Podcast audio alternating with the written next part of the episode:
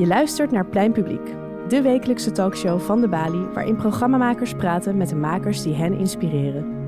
Van cabaretiers tot schrijvers en van wetenschappers tot activisten. Programmamaker Carlijn Saris gaat in gesprek met journalist en schrijver Sanne Bloemink. Zij is jurist, essayist en schrijft voor de Groene Amsterdammer. Gefascineerd door alles wat raakt aan wetenschap, onderzocht ze in haar nieuwe boek Pijn, een expeditie naar onbestemd gebied, haar eigen constante zenuwpijn. Bloemings ervaringen zijn verweven met een reis langs de geschiedenis, filosofie, mythologie en technologie van pijn. Hoe vervlecht je een journalistieke zoektocht met geleefde ervaringen? En hoe geef je woorden aan een diep, soms onverklaarbaar gevoel? Je gaat nu luisteren naar Carlijn Saris in gesprek met Sanne Bloeming.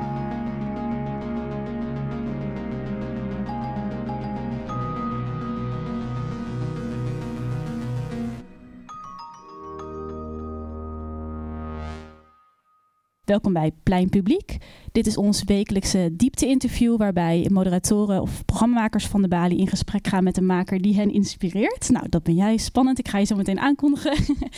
Uh, misschien leuk om even te benoemen. We zitten hier in de pleinzaal. En als je om je heen kijkt, boven je en uh, om je heen, we zijn omringd door een kunstwerk van Barbara Broekman. Met uitzicht op het Leidseplein. Vandaar de pleinzaal en vandaar pleinpubliek. Uh, maar we zijn hier vandaag natuurlijk voor jou, Sanne Bloemik. Heel erg fijn dat je er bent. Welkom. Ik ga je even uitgebreid voorstellen. Als ik het goed heb onthouden, ben jij van origine jurist, maar dat ja, klopt, klopt, hè? Ja, klopt. maar je hebt je hart gevolgd, heel verstandig en nu ben je wetenschapsjournalist. Uh, mensen kunnen jou kennen van uitgebreide verhalen in de Groene Amsterdammer. Je hebt meerdere boeken geschreven. Maar vandaag zijn we hier voor jouw nieuwste boek. Dit is hem, Pijn, een expeditie naar onbestemd gebied. Um, Sanne, jouw boek is heel veel. Het is een zoektocht uh, naar antwoorden op pijn, chronische pijn. Uh, het is filosofie, het is wetenschap, het is geschiedenis, maar het is vooral ook uh, jouw persoonlijke memoires als chronische pijnpatiënt. Daar gaan we het zo uitgebreid over hebben. Ik heb het gelezen, ik vond het prachtig. Um, en om eerlijk te zijn heb ik haast het idee dat ik een soort standaardwerk over pijn heb gelezen, omdat je het concept op zoveel manieren ondersteboven en binnenstebuiten hebt gekeerd. Uh, dus daar gaan we het over hebben. Um, misschien maar eventjes helemaal bij het begin beginnen. Chronische pijn. Wat, wat valt er allemaal in dat mandje? Wat valt er allemaal binnen dat begrip? Ja, dat is eigenlijk een heel lastig uh, verhaal. En het is ook heel lastig wanneer iets chronisch wordt. Maar in de medische wereld wordt het chronisch genoemd als, het langer, als je pijn hebt langer dan drie tot zes maanden. En langer dan eigenlijk voor staat om bijvoorbeeld te herstellen. Stel dat je een gebroken been hebt en je herstelt niet. Uh, dan, en je hebt na acht maanden nog steeds pijn. Dan wordt het chronische pijn. En het kenmerk van chronische pijn is eigenlijk dat er uh, een, uh, vaak is er sprake van centrale sensitisatie.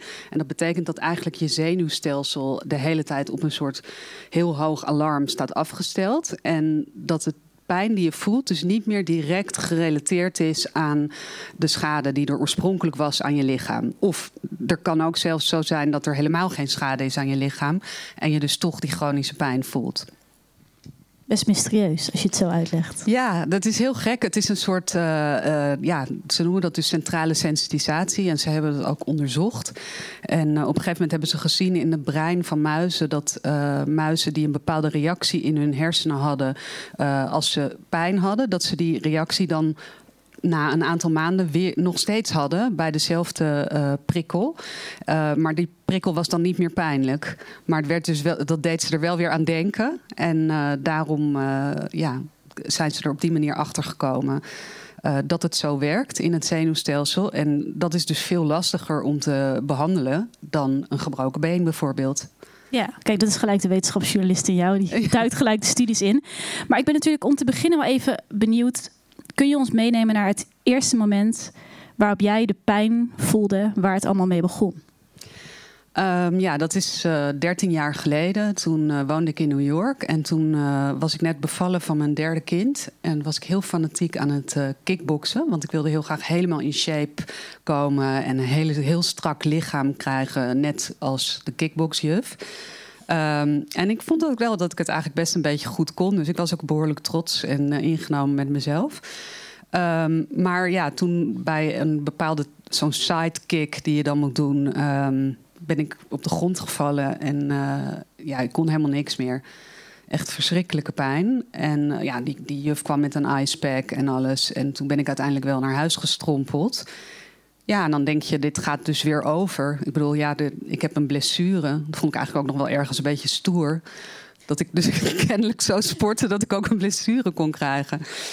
Maar um, ja, dat is dus eigenlijk niet meer overgegaan. Dat vind ik interessant, want je zegt, ik kan me dat heel goed voorstellen. Dat je denkt, nou, ik heb een sportblessure. Of ik kijk het even aan. Wat was het moment waarop je realiseerde, dit gaat voorlopig niet meer weg? Dit is chronische pijn.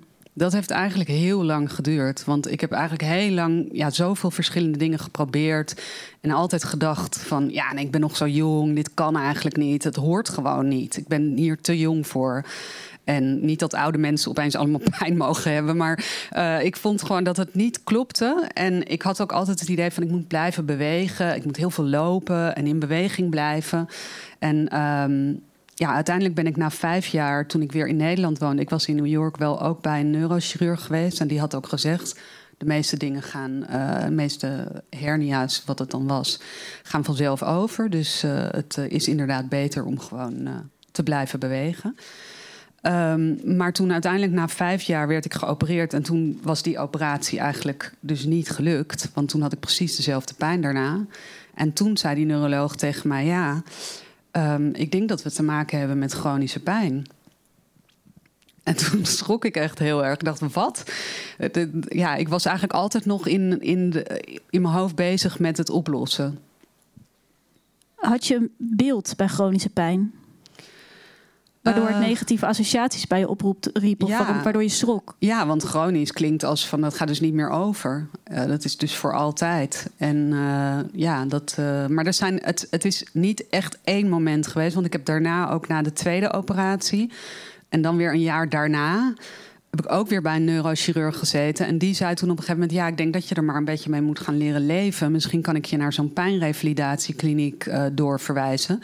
dat was weer zo'n schrikmoment van mee leren leven. Uh, hoezo? En uh, revalidatie, wat, hoe, dat vond ik ook heel raar. Dat je kan revalideren. Hoe kan je nou revalideren van pijn? Of, dat snapte ik helemaal niet.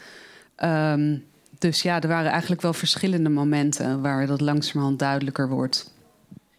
En we zijn nu uh, een aantal jaar verder. Je zegt, ja, op een bepaalde manier heb je dus kennelijk leren leven met de pijn.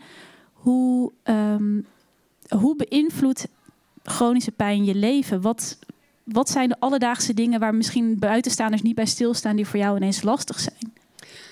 Nou, ik denk eigenlijk dat ik niet helemaal heb mee heb leren leven. Want ik blijf eigenlijk ook nog altijd wel een beetje in gevecht uh, ermee. En ik denk dat het soms ook wel noodzakelijk is. Dat je soms gewoon moet doen alsof het er niet is. En gewoon door moet gaan met je leven en met je werk. Want anders dan, uh, uh, ja, het helpt ook niet om bij de pakken neer te gaan zitten, zeg maar. Maar ja, ik heb wel bepaalde aanpassingen inmiddels uh, in mijn leven uh, doorgevoerd. En dat betekent gewoon veel minder afspraken maken. Um, nu zitten wij hier zo en uh, ik kan wel eventjes zitten, maar heel lang zitten is best lastig voor mij. Dus ik heb deze dag verder niet gezeten voordat ik hier Als je even op moet staan, dan mag het, hè? Nee, dat, dat ga ik nu niet doen.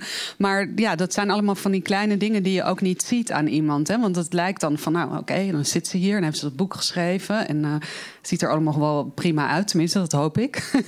uh,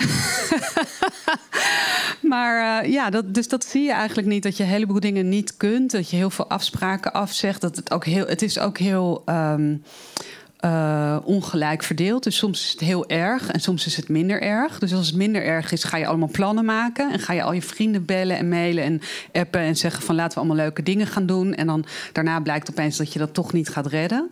Dus ja, je verstuurt heel vaak e-mailtjes en appjes van het gaat toch niet lukken. Jammer genoeg. Dus ja, in die zin heb ik, uh, heb ik me wel aangepast. Maar goed, aan de andere kant heb ik wel nog steeds. Ik prijs mezelf tot de gelukkige onder de mensen met chronische pijn. Dat is denk ik wel belangrijk om te vermelden. Want er zijn zoveel mensen met chronische pijn die zoveel meer verloren hebben nog dan ik. En dat is eigenlijk nog veel erger. Als je je vrienden verliest, je relatie verliest, je werk verliest. En dat gebeurt echt uh, vaak. dus daar ben ik ook wel van geschrokken tijdens het onderzoek dat ik heb gedaan voor dit boek. Realiseer ik me dat ik nog eigenlijk in een hele gelukkig, gelukkige positie ben in ieder geval dit boek hebt kunnen schrijven. Nou, precies. Ja, ja. daar wil ik het zo meteen uitgebreid met je over hebben, over het maakproces van dit boek. Maar voordat we dat gaan doen, ik heb jou gevraagd om een inspiratiebron mee te nemen. Iets wat jou inspireert, mag alles zijn. Jij hebt iets meegenomen, laten we daar even naar gaan kijken. Ik ben heel benieuwd uh, wat je ons daarover wil vertellen. Hebben we dat? Ja. Nou, brand los. Wat zien we? Um, ja, nou ja, dit is een kunstenaar en die uh, maakt dus uh, nou ja, indoor clouds. Uh, dus wolken binnen. En die zijn er dus ook altijd maar even. Die gaan ook weer weg. Hij heeft op allerlei plekken over de hele wereld, ook in kerken, heel mooi, heeft hij, heeft hij wolken gemaakt. En dat is dus zijn kunstwerk. Um, nou, en hoe het eigenlijk begon, het idee voor mijn boek, was dat ik een uh, project had en dat heette Where is, Where is the Cloud? En dat was eigenlijk ik wilde nadenken over de uh, geaardheid, eigenlijk de materiële geaardheid van digitale informatie. Want dat zit dan allemaal zo in de cloud en voor ons gevoel zweeft dat allemaal over ons hoofd, al die informatie. Maar tegelijkertijd is het natuurlijk door allerlei datacenters en zo toch wel verbonden aan de aarde. Dus even voor mijn, voor mijn helderheid, dat was dus niet dit boek, maar dat was het idee dat voor was... ooit een boek wat er moest gaan komen, wat het niet is geworden, maar wat dit is geworden. Precies. Ja, oké. dus, ja. Je moet even tot ik bij de clue kom. Eh, er komt een clue. Ehm, toen ben ik op zoek gegaan. Uh, ja, toen had ik bedacht, ik wil eh, onderzoek doen naar archieven. En kijken naar archieven van digitale archieven. Toen ben ik bijvoorbeeld naar een bitcoin-mijn gegaan in IJsland. Heb ik een reportage over geschreven, maar ook andere soorten archieven. En toen kwam ik steeds meer tot het inzicht dat het aldoor ging om de relatie tussen materie en informatie. Dat dat hetgene was dat me zo enorm boeide. En toen ging ik dus steeds breder dat boek opzetten. Ging ik een plan maken en subsidie aanvragen. Nou, dat werd afgewezen, want het was allemaal veel te breed. En dat was het ook. Um, maar toen was dus op een gegeven moment ging ik allerlei voorbeelden vinden van de relatie tussen materie en informatie. En die is natuurlijk overal. En uh, oh ja, hier zie je hem in. Uh, volgens mij is dat in Duitsland, deze. Boven in een kerk. Ja. Um, sorry, waar was ik nou? Uh, ging informatie opzoeken? Ja, ik ging dus allemaal informatie opzoeken. En um, toen was pijn eigenlijk een van de onderwerpen waarin ik dacht: hé, hey, dat is eigenlijk ook materie en informatie. Want ja, je, hebt dus, je voelt het in je lichaam. Maar met die centrale sensitisatie is er iets wat misgaat in de boodschappen die door je lichaam worden gestuurd naar je hersenen. Dus dat, is, dat valt eigenlijk ook daaronder. Dus dat werd dan een hoofdstuk in mijn boek. En uh, van dat hoofdstuk werd het uiteindelijk het boek. Ja, omdat ik ook steeds meer merkte van ja, dit is eigenlijk het onderwerp dat me dagelijks bezighoudt. En uh, waar ik veel onderzoek naar wilde doen ook. Maar ook waar ik gewoon vanuit mezelf al uh, mee bezig was, omdat het gewoon mezelf raakte. En dat is vaak een heel goede, goed aangrijpingspunt om ergens uh, uh, in te duiken. Want dan heb je ook die drive om het, uh, om het allemaal uit te zoeken. Dus ja, zo is het uiteindelijk gekomen. En uiteindelijk denk ik dus dat ik pijn zie ik ook als een soort wolk. en zo heb ik het ook geprobeerd te omschrijven in het boek. Uh, omdat het, het, het komt en het gaat. En het, is, het heeft iets heel uh, etherisch. Je kan niet vastpakken, je kan niet omschrijven. Niemand weet hoe het voelt bij de ander. Um, en het, het, heeft geen grenzen. Er zijn allerlei manieren waarop je ernaar kunt kijken. Het heeft iets onheilspellends. Dus ja, die wolk die werd voor mij een beetje een uh, metafoor voor pijn. En mooi dat je dat zegt, want ehm, dat is eigenlijk het eerste wat bij mij opkomt als je over pijn wil schrijven. En zeker over chronische pijn, onverklaarbare pijn misschien zelfs. Hoe breng je dat onder woorden? Hoe vind je er de woorden voor? En jij bent natuurlijk uh, uh, gezegen met het talent om dingen goed onder woorden te brengen, maar dan alsnog. En het is eigenlijk pas op pagina 64 van jouw boek dat je een poging doet om aan de lezer uit te leggen wat, wat dat in jouw lichaam, hoe dat nou eigenlijk voelt. En ik wil jou vragen om een stukje voor te lezen, als dat lukt. Geef je ja. je boek. Ja. Um, waarin je dus, je zegt net pijn is als een wolk, het is zo ongrijpbaar ook en diffuus. Uh, maar je hebt toch geprobeerd daar woorden aan te geven. Ja, 64. 64. En voordat je aan begint, ga eventjes de vraag. Uh, nee, die bewaar ik voor daarna.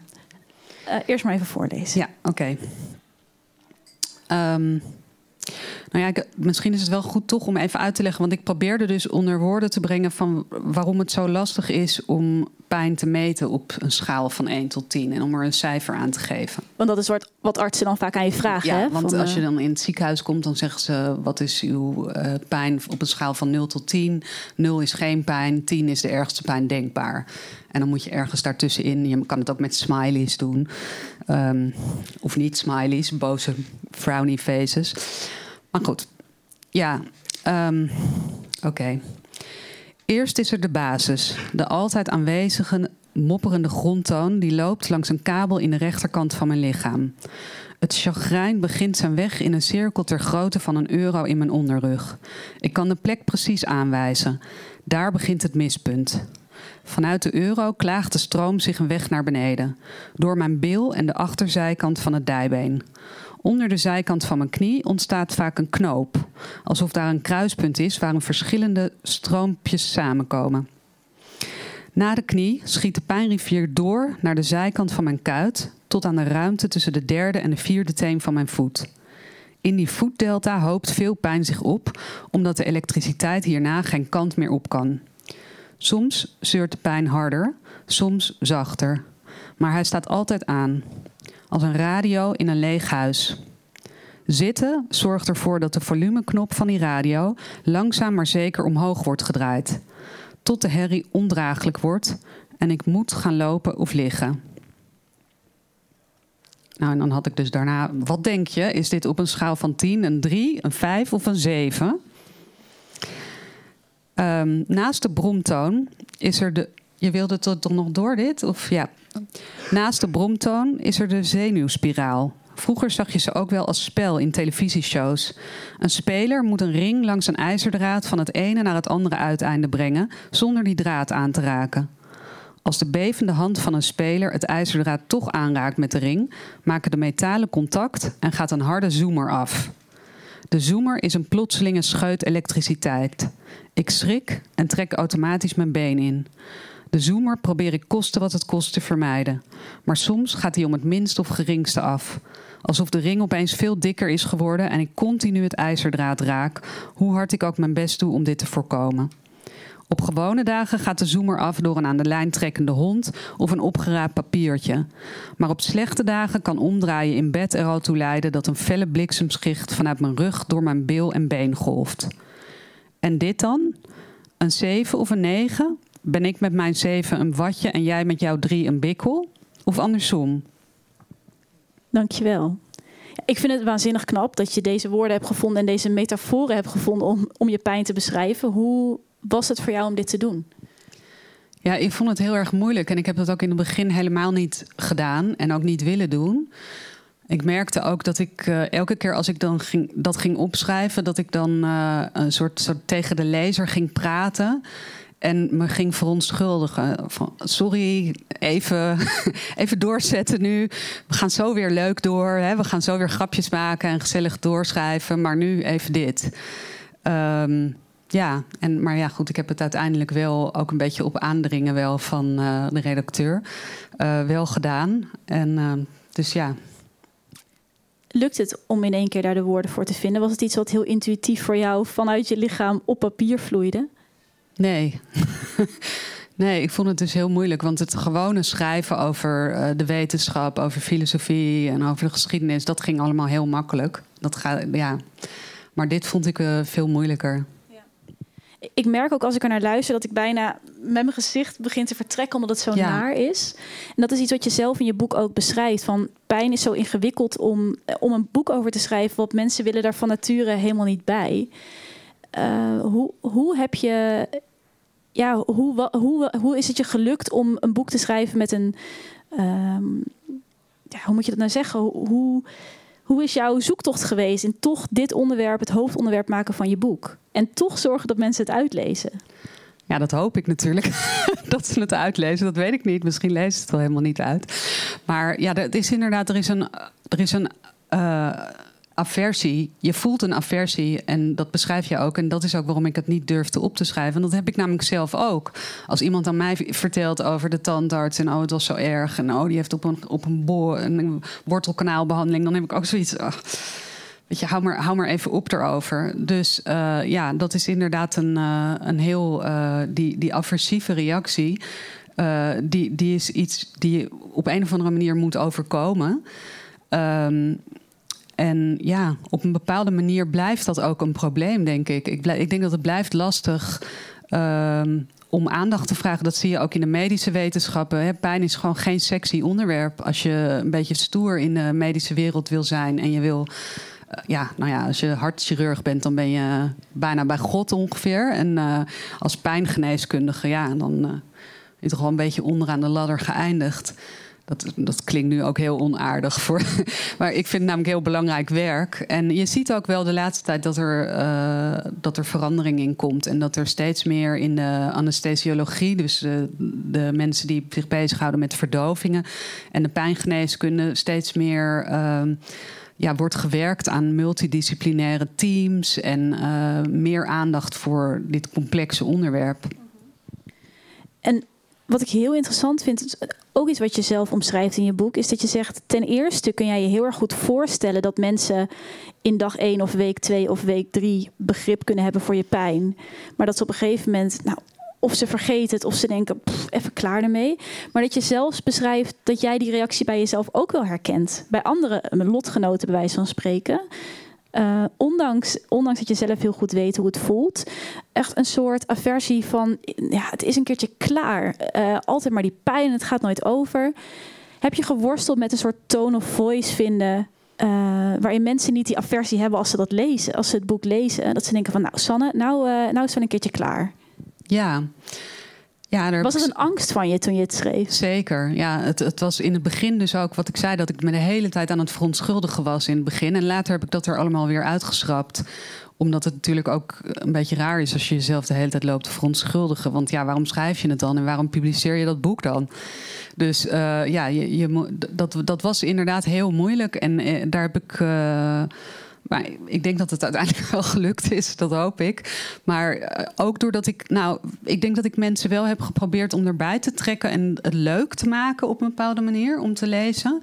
Ook omdat ik zelf wel merkte dat ik uh, echt het een heel interessant onderwerp vond. Het is eigenlijk heel magisch. Ik bedoel, hoe, hoe werkt dat nou? En hoe, hoe, hoe is het dat je het nooit kan voelen van een ander? En met die centrale sensitisatie en uh, een soort kwetsbaarheid. En uh, je kan ook uh, mensen die in hun jeugd bepaalde overweldigende ervaringen hebben meegemaakt, kunnen een extra kwetsbaarheid hebben. En dat bleek bijvoorbeeld ook toen ik een immunoloog interviewde. En die vertelde ook, ja, dat kun je ook terugzien in het immuunsysteem. En ik dacht, wauw, niet dat alle mensen die trauma's hebben meegemaakt ook pijn krijgen. Want dat is vaak weer dan dan gaat het de verkeerde kant op. Want zo bedoel ik het niet. Maar wel, uh, er is eigenlijk een hele reeks aan kwetsbaarheden.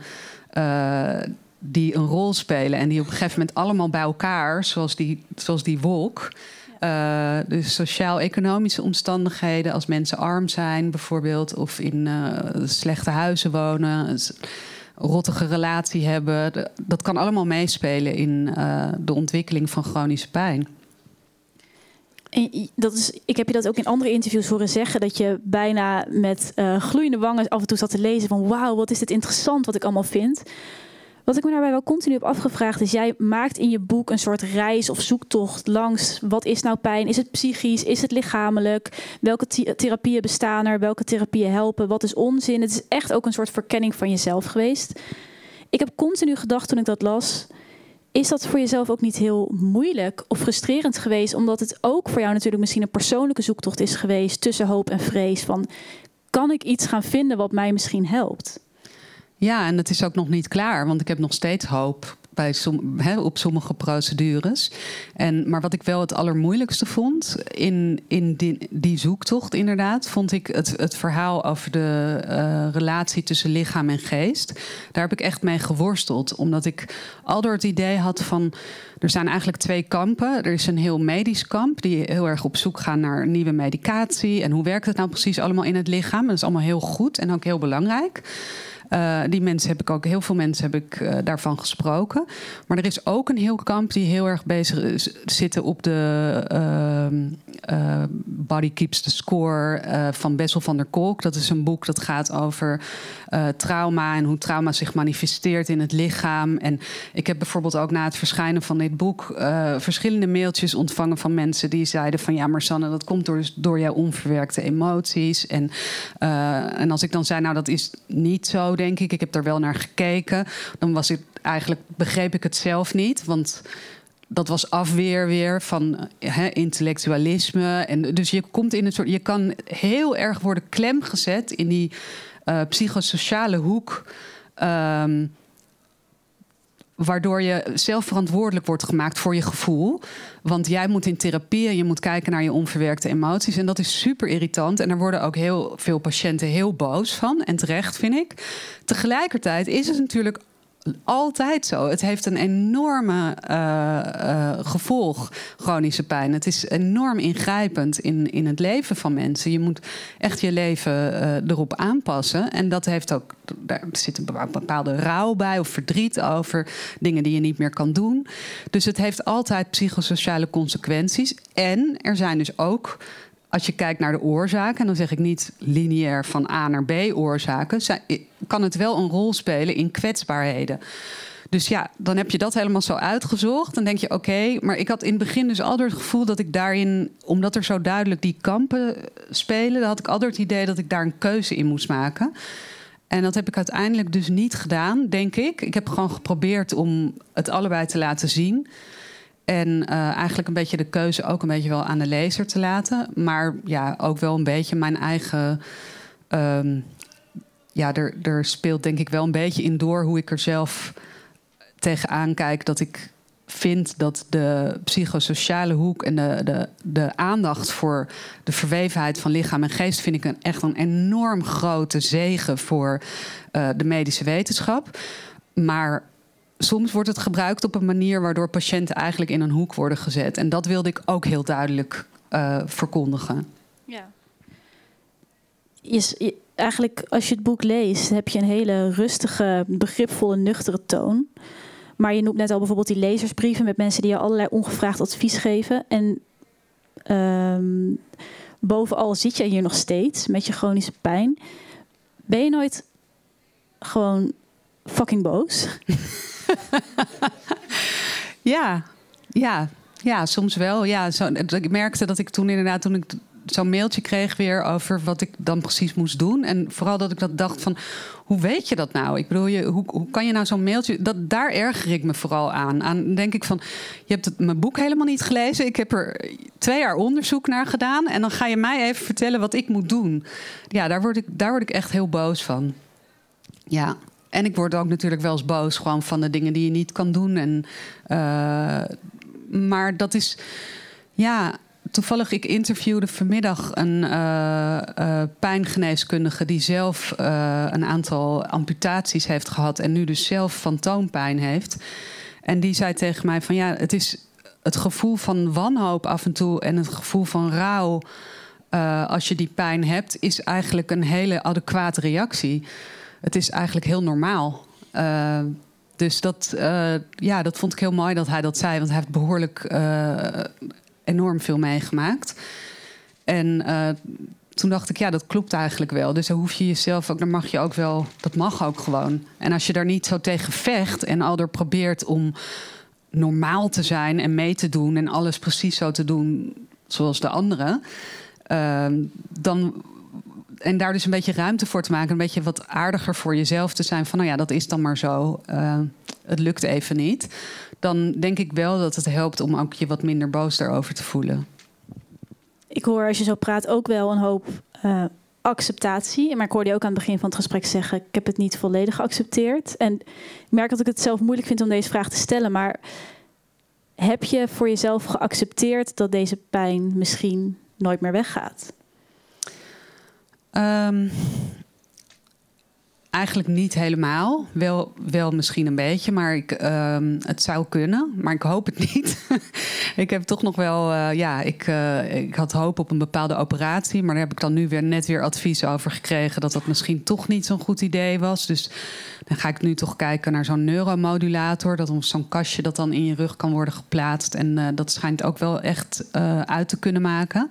Dus in die zin ik denk zelf dat uh, het samen kan gaan. Dat je aan de ene kant bepaalde dingen accepteert. En aan de andere kant toch probeert om op zoek te blijven gaan naar ja, uh, wat het beste eh, voor je is. En wat ik dus wederom, ik wil nu niet alle psychologen de hele tijd om de oren slaan of zo. Maar uit die psychosociale hoek krijg je dan soms ook wel een beetje van ja als je op zoek blijft gaan in het medische circuit, dan is dat klachten onderhoudend. Want dan blijf je dus hoop houden en dan ben je dus tegen je eigen acceptatie aan het uh, ingaan.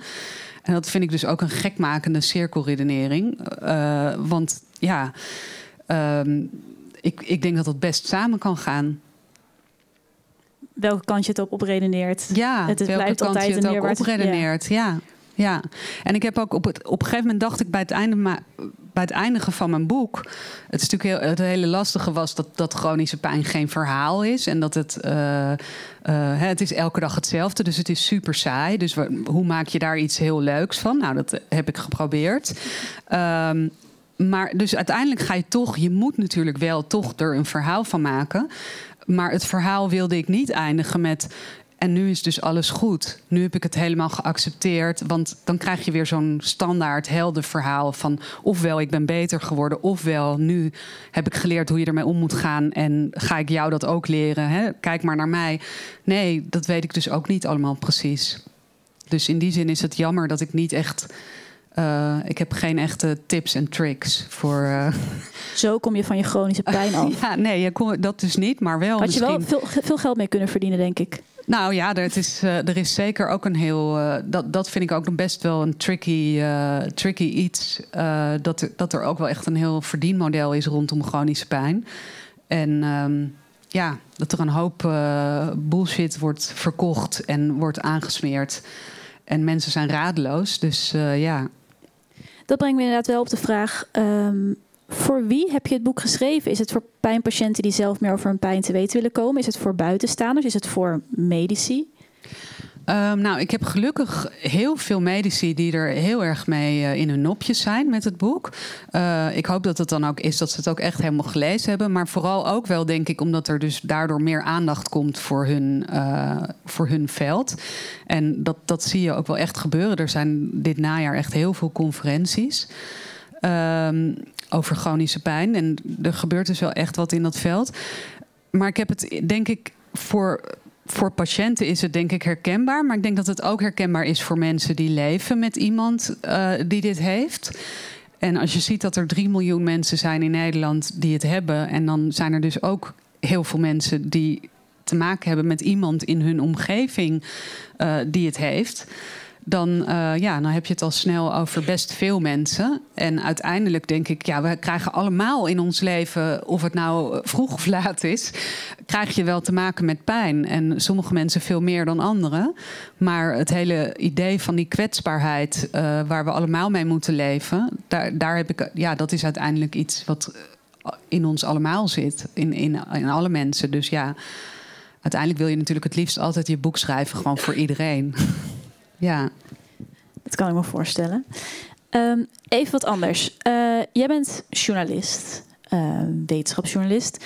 En in de journalistiek is het natuurlijk niet uh, helemaal onomstreden om vanuit een ik-perspectief te schrijven. Of er zijn in ieder geval, de meningen zijn erover verdeeld. Er wordt natuurlijk vaak gezegd, het moet objectief zijn, het gaat niet over jou.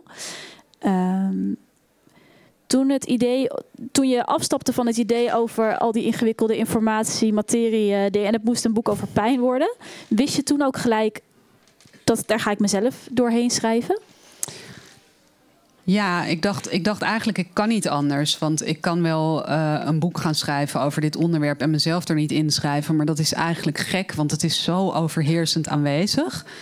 En ik heb zelf ook uh, eigenlijk het is waar dat, het, dat, het, dat de meningen daarover verdeeld zijn in hoeverre je jezelf daar dan in kan schrijven. Maar um, ik heb wel vaker gedacht over in welk genre val ik nou eigenlijk precies. En dan kom ik eigenlijk heel vaak tot de conclusie dat ik in geen één genre pas. En dan ga ik soms heel, heel uh, beetje uh, somber en pruilerig van, uh, nou, ik pas nergens bij en daarom word, val ik overal tussen. Um, maar dat is ook juist heel fijn. En dat is juist precies ook waar pijn ook over gaat. Over al die verschillende disciplines die bij elkaar komen op bepaalde schakelpunten. En uh, dus ik heb eigenlijk op een gegeven moment ook niet meer echt nagedacht of het journalistiek verantwoord was of niet. Want uh, ja, het is journalistiek misschien, maar het is ook uh, filosofisch en het is ook sociologisch. En het, is ook een, een, het zijn ook een soort memoires. En ja, dat is dus een soort gemixt genre dat heb ik op een gegeven moment maar gewoon bedacht. Dat dat, gewoon, uh, dat, dat het gewoon moet zijn. En uh, hopelijk uh, ja, is dat een goede mix. Je bedenkt dan, nou, ik ga mijn eigen ervaringen erin schrijven. Hoe was het voor jou om wel eigenlijk daardoor natuurlijk ook continu wel met jezelf en je eigen pijn bezig te zijn en terug te blikken en te reflecteren op wat het met je doet? Is dat dan heel helend of is dat juist heel erg confronterend voor je geweest? Nou, op een gegeven moment je hebt zo'n uitspraak van uh, alles wat je aandacht geeft, uh, groeit. Ja, daar maakte ik me op een gegeven moment wel een beetje zorgen om. dat ik zoveel bezig was met de pijn en ook met mijn eigen pijn. Dat ik dacht, ja, het is wel zo als je er echt bijvoorbeeld dit opschrijft. Dat je het extra gaat voelen op dat moment. Dus um, ja, dat was niet echt helend. Want het was eerder uh, heel moeilijk en lastig. Maar er zitten in het schrijfproces natuurlijk ook weer een heleboel momenten waarop je weer veel meer afstand neemt en het veel meer van een, eh, van een afstandje bekijkt en probeert als een puzzel eh, die hoofdstukken in elkaar en de paragrafen in elkaar. En dan ben je weer meer, ja, dat is weer meer gewoon je vak dan. Uh, dus dan is het weer, weer minder. Um, ja. Dus al met al heeft het je vooruitgebracht of heeft het jezelf vooral heel veel gekost? Um, het heeft me best veel gekost. Maar het was wel de moeite waard. En niet zozeer dat, ik, uh, dat het helend was dat ik dus minder pijn heb. Want dat is niet gebeurd. Maar het is wel gewoon het proces. Gewoon het feit dat er gewoon een boek ligt. En het feit dat je iets creëert, dat je iets maakt. Vanuit je eigen pijn iets, uh, iets boetseert vanuit het niks. En dat het er nu gewoon ligt. Dat is uh, heel fijn. En uh, dat is ook precies waar ik het met die pijngeneeskundige over had. Van een, je werk, hoe, hoe, belangrijk dat is, dat je dat kunt blijven doen. Um, ja, dus in die zin is het weer wel heel goed geweest. En voelt het ook als een afgesloten geheel, maar eigenlijk als een afgesloten geheel in de zin van die wolk. Dus ook weer zonder grenzen en zonder dat het in één discipline valt. Ja, want dat, dat is natuurlijk iets wat mensen dan vragen als je dan met zo'n persoonlijk iets bezig bent geweest. Je hebt een punt weten te zetten. Is het dan ook een soort closure voor jou geweest? Uh, heeft het op een manier. Uh, ja, voelt dat zo voor jou of is het eigenlijk nog steeds een open eind? Nou, wat betreft mijn pijn is het een open eind. Maar wat betreft het boek is het een closure. Want dat, dat, dat is eh, het feit dat ik het beschreven heb. Maar op een gegeven moment was ik bezig met een, uh, met een soort nawoord. En toen uh, was ik aan het appen met het groepje mensen uit de revalidatiekliniek. En toen af en toe sturen we elkaar dan zo'n update. En dan, ja, iedereen heeft gewoon nog steeds pijn. Um, maar ja, de, iedereen probeert weer wat. En die heeft weer dit gedaan en die heeft weer dat gedaan. Dus dan uh, hoor je dat zo'n beetje. En dan altijd is het idee dat we dan nog met elkaar gaan eten. Maar dat komt er dus nooit van. Want ja, ga maar eens proberen om met acht mensen met pijn uit eten te gaan. Dat, uh, je met z'n allen staan de hele tijd. En nou ja, het is wel heel lastig. Maar... Um, toen bleek dus eigenlijk van ja, toen dacht ik wel van de closure die ik wel uiteindelijk en wat ik ook wel mee wilde geven aan, aan andere patiënten, is het gevoel van dat je, dat had ik heel erg in die revalidatiekliniek en ook was eigenlijk het meest helende daar, was het idee dat je niet alleen bent. En uh, dat, dat, je, dat er een heleboel andere mensen zijn die, die hier ook mee worstelen. Uh, en dat dat ook een, uh, ja, dat kan ook een gerust gevoel geven. Van je bent niet zo gek en zo raar. Het komt heel veel voor en heel veel mensen hebben hier moeite mee. En uh, ja, dat was wel een beetje de boodschap die ik wilde geven. En in die zin is dat dan misschien closure, maar het is voor mij niet closure van nou, nu heb ik alles geaccepteerd en is het klaar. Nee, want de neuromodulator staat nog op de. Die staat nog te lonken. Ja. ja. ja. En ehm, als ik je boek lees, bedoel, het is, geen, uh, het is geen felle aanklacht tegen iets of iemand, helemaal niet zelfs. Maar ik, uh, ik lees wel tussen de regels door. Nou ja, je, zegt bijvoorbeeld, er gaat te weinig geld en te weinig aandacht naar wetenschappelijk onderzoek naar, naar deze hoek. Puur omdat het ook gewoon te vaag is of mensen, het is niet concreet genoeg. En je zegt bijvoorbeeld ook, men, mensen vinden het moeilijk om om te gaan met, met pijnpatiënten. Heb je in journalistiek of politiek opzicht ook met dit boek uh, een statement willen maken? Een groter statement, los van je eigen verhaal? Ja, zeker wel. Um, en dat, ja, mijn, mijn manier van schrijven is niet heel erg uh, aanklachterig en uh, activistisch. Maar aan de andere kant, dat staat er zeker wel in. Want ik denk inderdaad, omdat het dus niet sexy wordt gevonden, gaat er veel te weinig geld naartoe. En dat is echt, ik denk, ik denk zelf dat pijn, uh, chronische pijn, als multidisciplinair uh, medisch issue is eigenlijk een voorbeeld voor een heleboel dingen in de wereld uh, die, die op die manier eigenlijk zouden moeten worden benaderd. We zitten zo te denken vaak in allemaal van die silo's, ook in de medische wetenschap, maar ook op de universiteit met al die verschillende aparte hokjes waarin iedereen in zijn eigen veldje nadenkt. En als je dan als journalist met al die verschillende mensen praat, dan merk je heel vaak dat dan denk je, hé, maar jij bent daarmee bezig, maar daar is die ook mee bezig. En dan hebben ze eigenlijk weten ze dat helemaal niet van elkaar. Nou ja, dat zal je vast wel herkennen. Ben je zelf, ik ben zelf heel vaak een beetje de, de uh, relatielegger uh, tussen mensen. En um, ja, dat is denk ik heel jammer. Dus ik denk dat de, dat, dat denken in complexiteit. Uh, en daar is pijn dus een heel goed voorbeeld van. Maar dat zie je ook bij uh, klimaatverandering. Hè. Dat kan je ook alleen maar oplossen door met een heleboel verschillende mensen aan tafel te gaan zitten en allemaal dingen tegelijkertijd te doen. Uh, zo is het ook begonnen als het probleem. Hè, doordat een heleboel mensen tegelijkertijd iets doen en dat gaat vervolgens fout. Um, dus ik, ik denk dat je daar dus heel veel van kunt leren. Dus ik denk inderdaad dat er meer onderzoek moet naar chronische pijn. Maar de bredere boodschap is eigenlijk dat er meer ruimte moet worden gemaakt voor kwetsbaarheid. En dat is niet alleen kwetsbaarheid in de vorm van uh, ik zet even iets op mijn uh, social media van uh, oh ja, ik ben ook wel eens heel onzeker hoor. Haha. En dan daarna weer door met allemaal succesvolle dingen. Maar dus dat het echt gewoon soms niet gaat. En dat, dat, dat heel veel mensen dat ervaren. Um, en dat we daar ook meer ruimte voor maken. Dat het niet alleen maar gaat om die presterende. We, we, we hebben een, uh, een, een, jachtdier in ons en een prooi in ons. Als mensen, denk ik, van oudsher. En we zijn nu heel erg gericht op dat jachtdier. Van uh, diegene die al die prijzen moet halen en, en moet presteren. En dat, dat is denk ik ook heel mooi en belangrijk. Maar tegelijkertijd is er ook die hele kwetsbare kant. waar we ook ja, bang zijn en gevoelig zijn.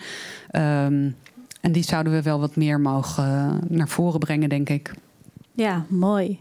Ik zit even naar de tijd te kijken. Daar zijn we bijna doorheen. Maar dit lijkt me een hele mooie afsluiting. Sanne, hartstikke bedankt. Ik las in het begin van je boek, ga trouwens allemaal lezen, dat diep van jou, diep in je hart, je toch hoopt of ooit hoopte dat je een heleboel prijzen gaat winnen, prijswinnend journalist wordt. Dus wie weet, met dit boek gaat die droom toch nog werkelijkheid worden.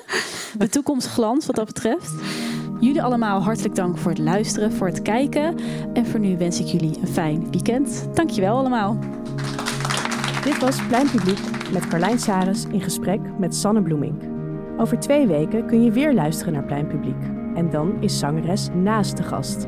Wil je nou zelf een keer naar Plein Publiek? Volg ons dan op de socials en hou de website in de gaten voor nieuwe gasten.